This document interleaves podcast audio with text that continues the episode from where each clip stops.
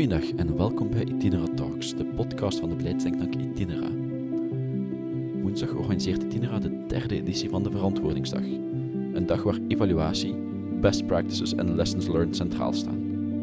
Ik ben Simon Gildo, fellow van Itinera en uw gast hier voor deze podcast. En vandaag heb ik het samen met Ivan van de Kloot over politieke verantwoording. Ivan is hoofdeconoom van Itinera en actief rond fiscaliteit en goed bestuur. Hij is auteur van onder meer Overheid plus Markt, het beste van beide werelden. Laat ons weten wat je denkt op Twitter en Facebook met hashtag Itineratalks. Dag Ivan, bedankt om erbij te zijn. Goedemiddag. Ivan, Itinera's Verantwoordingsdag kwam er op jouw initiatief. Waarom vond u het zo belangrijk dat Itinera er niet enkel rond werkte, maar er ook een jaarlijks terugkerend evenement rond organiseerde? Ja, het is een belangrijke uitdaging om het thema van uh, verantwoording, maar dus het vertalen van complexe materie naar een groter publiek rond wordt ons geld goed besteed, ons publiek geld, om dat op de agenda te zetten. En wel, we hebben daar gewoon de interessante voorbeelden van het Nederland. Daar heeft men de Verantwoordingsdag. Dat is een heel evenement waar ook een minister dan rondloopt met een, een uh, oranje koffertje of een, een koffertje toch in een opvallende kleur. En dat verzinnenbeeld, dat versymboliseert het feit dat er in, onze soort maatschappij enorm grote sommen geld besteed worden door de overheid. Maar daar moet ook verantwoording voor worden afgelegd. En dat betekent bijvoorbeeld in Nederland dat alle ambtenaren, iedereen die werkt met belastingsgeld, een soort verslag maakt van wat hebben wij het voorbije jaar gerealiseerd met die uh, centen waar we toch heel uh, verantwoord mee moeten omspringen. En waarin verschilt die verantwoording dan van de begroting of van het budget dat opgemaakt wordt? In de 19e eeuw zijn de natiestaten gecreëerd op basis van ja, we moeten een begroting storen op basis van juridische principes. En dan brengen we de cruciale feiten en cijfers samen. En dat gaat dan klassiek over hoeveel geld komt er binnen, de ontvangsten van de overheid, en hoeveel geld gaat er buiten, de uitgaven. Maar dat is eigenlijk, als je daarover nadenkt, uh, niet de essentie. De essentie is wat wordt er gerealiseerd in een land? Dat gaat over de maatschappelijke resultaten van, uh, van wat het beleid doet. En daarom uh, wil ik ook even een uitstapje doen naar Nederland. Om dat te tonen, enerzijds wat ons kan inspireren, maar anderzijds van ook dat het een werk is van vallen en opstaan. In Nederland heeft men dit proces op gang getrokken vanaf 1999, 1999. Dat is al meer dan 20 jaar lang. En eigenlijk de essentie is, je maakt de omslag van een middelenbegroting naar een beleidsbegroting.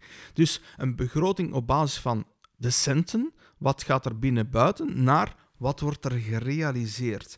En wat ik heel sterk wil benadrukken is, die noodzaak kwam vanuit de bevolking en vanuit het parlement. Het parlement stelde heel frontaal de stelling, wij zijn niet tevreden met hoe onze regering rapporteert wat er met het publieke geld gebeurt.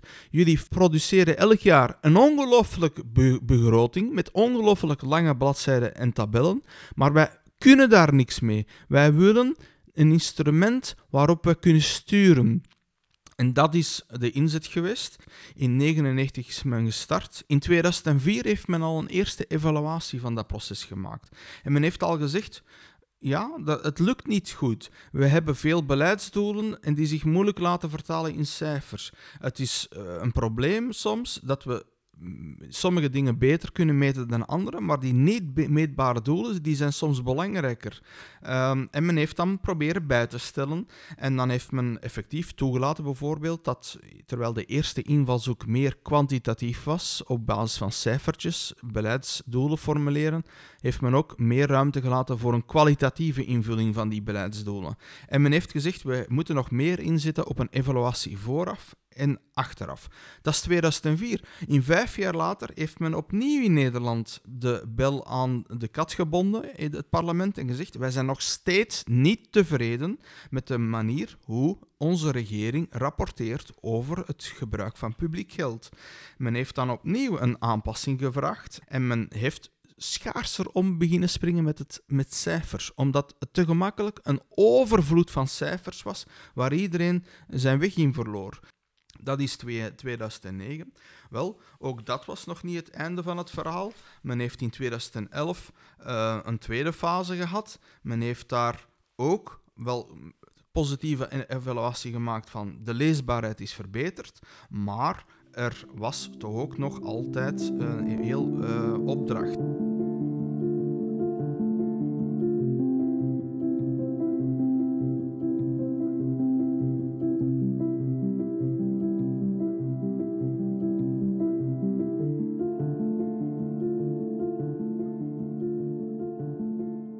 Dan zie je naar het algemene plaatje. Men heeft verschillende doelstellingen aan een begroting. Het gaat over de autorisatie. Je mag geld uitgeven. Dat is de autorisatie van het parlement, volksvertegenwoordiging aan de ambtenaren. Dat is klassiek maar als je de evaluaties leest van dat proces van vallen en opstaan in Nederland, waarin vooral het parlement de trekker is geweest, dan zie je dat men meer en meer is gaan inzetten op mechanismen rond verantwoording en controle. Het gaat niet per se over meer informatie bovenspitten. Eigenlijk zijn de eh, rapporteringen in Nederland schaarser geworden in overdaad aan cijfertjes, want daar verdronk iedereen in, daar vond niemand zijn weg in. Het gaat meer op het vertalen naar het realiseren van cruciale doelstellingen. En dus dat is, denk ik, een belangrijke boodschap. Dat is ook de boodschap die ik op de Verantwoordingsdag zal brengen. In de eerste plaats naar de volksvertegenwoordiging. Kijk eens wat het Nederlandse parlement heeft gedaan. Zij is echt een, in strijd gegaan met de regering, twintig jaar lang. En dat is de pleidooi dat ik wil voeren voor onze Belgische uh, politici. Jullie moeten ook die agenda op tafel zetten. Jullie moeten de trekker spelen om te eisen dat de verantwoording van het publieke geld op een betere manier dient te gebeuren in ons land. Dat was dus een heel parcours in Nederland voor ze naar hun huidige verantwoordingsdagen komen. Hoe ziet dat parcours in België eruit? Want we hebben al een aantal verantwoordingsdagen achter de rug bij Itinera. Het is belangrijk om op te merken wat er al gebeurt in ons land. Um, we hebben bijvoorbeeld um, het RISIF, dat is de, de, de, gezondheidsuitgaven. Daar heeft men in coronatijden zelfs een enorm uh, werk verricht rond het, het, laten toestromen van voorstellen, van het verbeteren van de uitgaven in de gezondheidszorg. Met name het stoelen van dat beleid op basis van gezondheidsdoelstellingen. Dat is een heel belangrijk thema in de gezondheidszorg. Daar zijn klassieke historische geldstromen, maar men wil eigenlijk meer op prioriteiten sturen. Van wat zijn nu echt de hefbomen naar betere gezondheid voor onze burgers? Dat noemt men dan gezondheidsdoelstellingen. En dat is een heel participatief proces geweest. Dat heeft in grote mate digitaal plaatsgevonden in, eh, in COVID-tijden. Maar er zijn meer dan 300 ingediende voorstellen verzameld. En dat, die voorstellen kwamen van de zogenaamde overeenkomstencommissies. Want in de gezondheidszorg zijn het niet per se de ambtenaren die beslissen over het geld dat uitgegeven wordt. Maar dat is het overlegmodel. Denk aan de ziekenfondsen, de artsen, de, al de, de, de instellingen. Die hebben voorstellen gedaan, maar er zijn ook academici, er zijn onderzoeksinstellingen, er zijn bedrijven en burgers die allemaal aan dat proces hebben meegewerkt en voorstellen uh, van, uh, voor de meerjarenbegroting hebben ingediend. Die zijn getoetst geweest door experten van het RISIF en taskforces, ondersteund door een wetenschappelijk comité. En dan heeft men inderdaad tot een soort identificatie gekomen van efficiëntiewinsten en herinvesteringen. In Vlaanderen hebben de Vlaamse brede heroverweging gehad. Um, dat is ook een een heel uh, proces geweest om uh, meer naar evaluatiecultuur te gaan en uh, zaken in vraag te stellen en bij te sturen. en dat zal ook op onze dag van de verantwoording uitgebreid aan bod komen door de interventies van Koen Aalgoed, die secretaris-generaal is van de Financiën en Begroting van de Vlaamse overheid.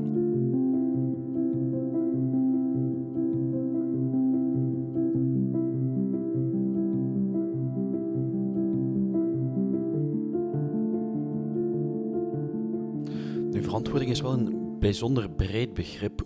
Wel, het gaat er ook over om de zaken leesbaar te maken. Eh, begrijpelijk, zodat ze ook, dat, dat we er ook met de, met de bevolking, met heel de maatschappij, in dialoog over kunnen gaan.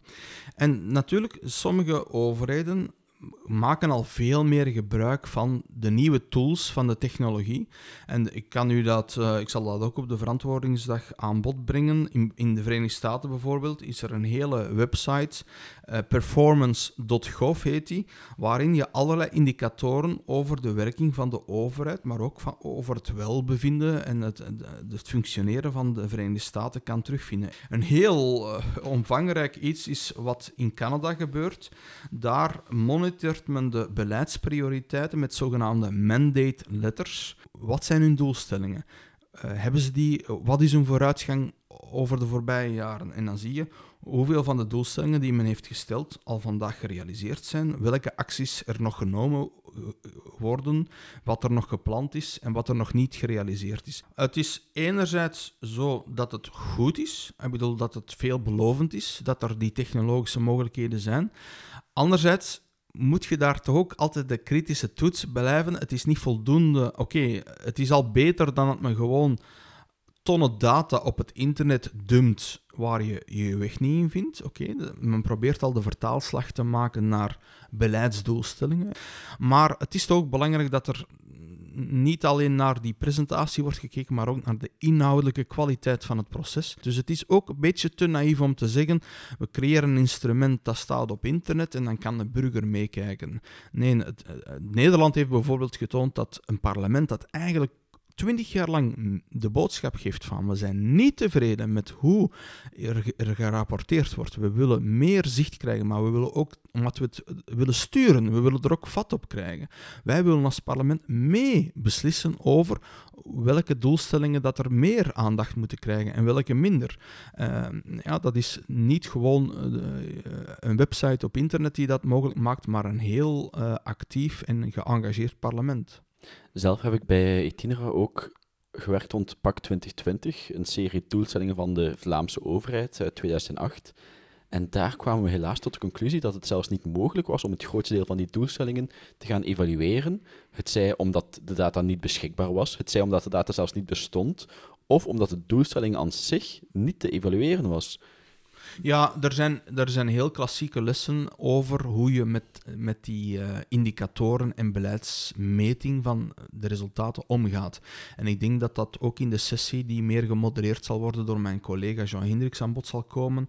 Bijvoorbeeld, het is te gemakkelijk om heel veel beleidsdoelstellingen te formuleren, dat je verdringt in de indicatoren en dan, ja, dan heb je eigenlijk geen echt mandaat. Dan kan je altijd achteraf zeggen van ja, een aantal zaken zijn toch in de goede richting geëvalueerd. Dus je moet durven prioritiseren. Welke indicator kies je? Hoe maak je de connectie tussen een indicator en het echte doel dat erachter zit?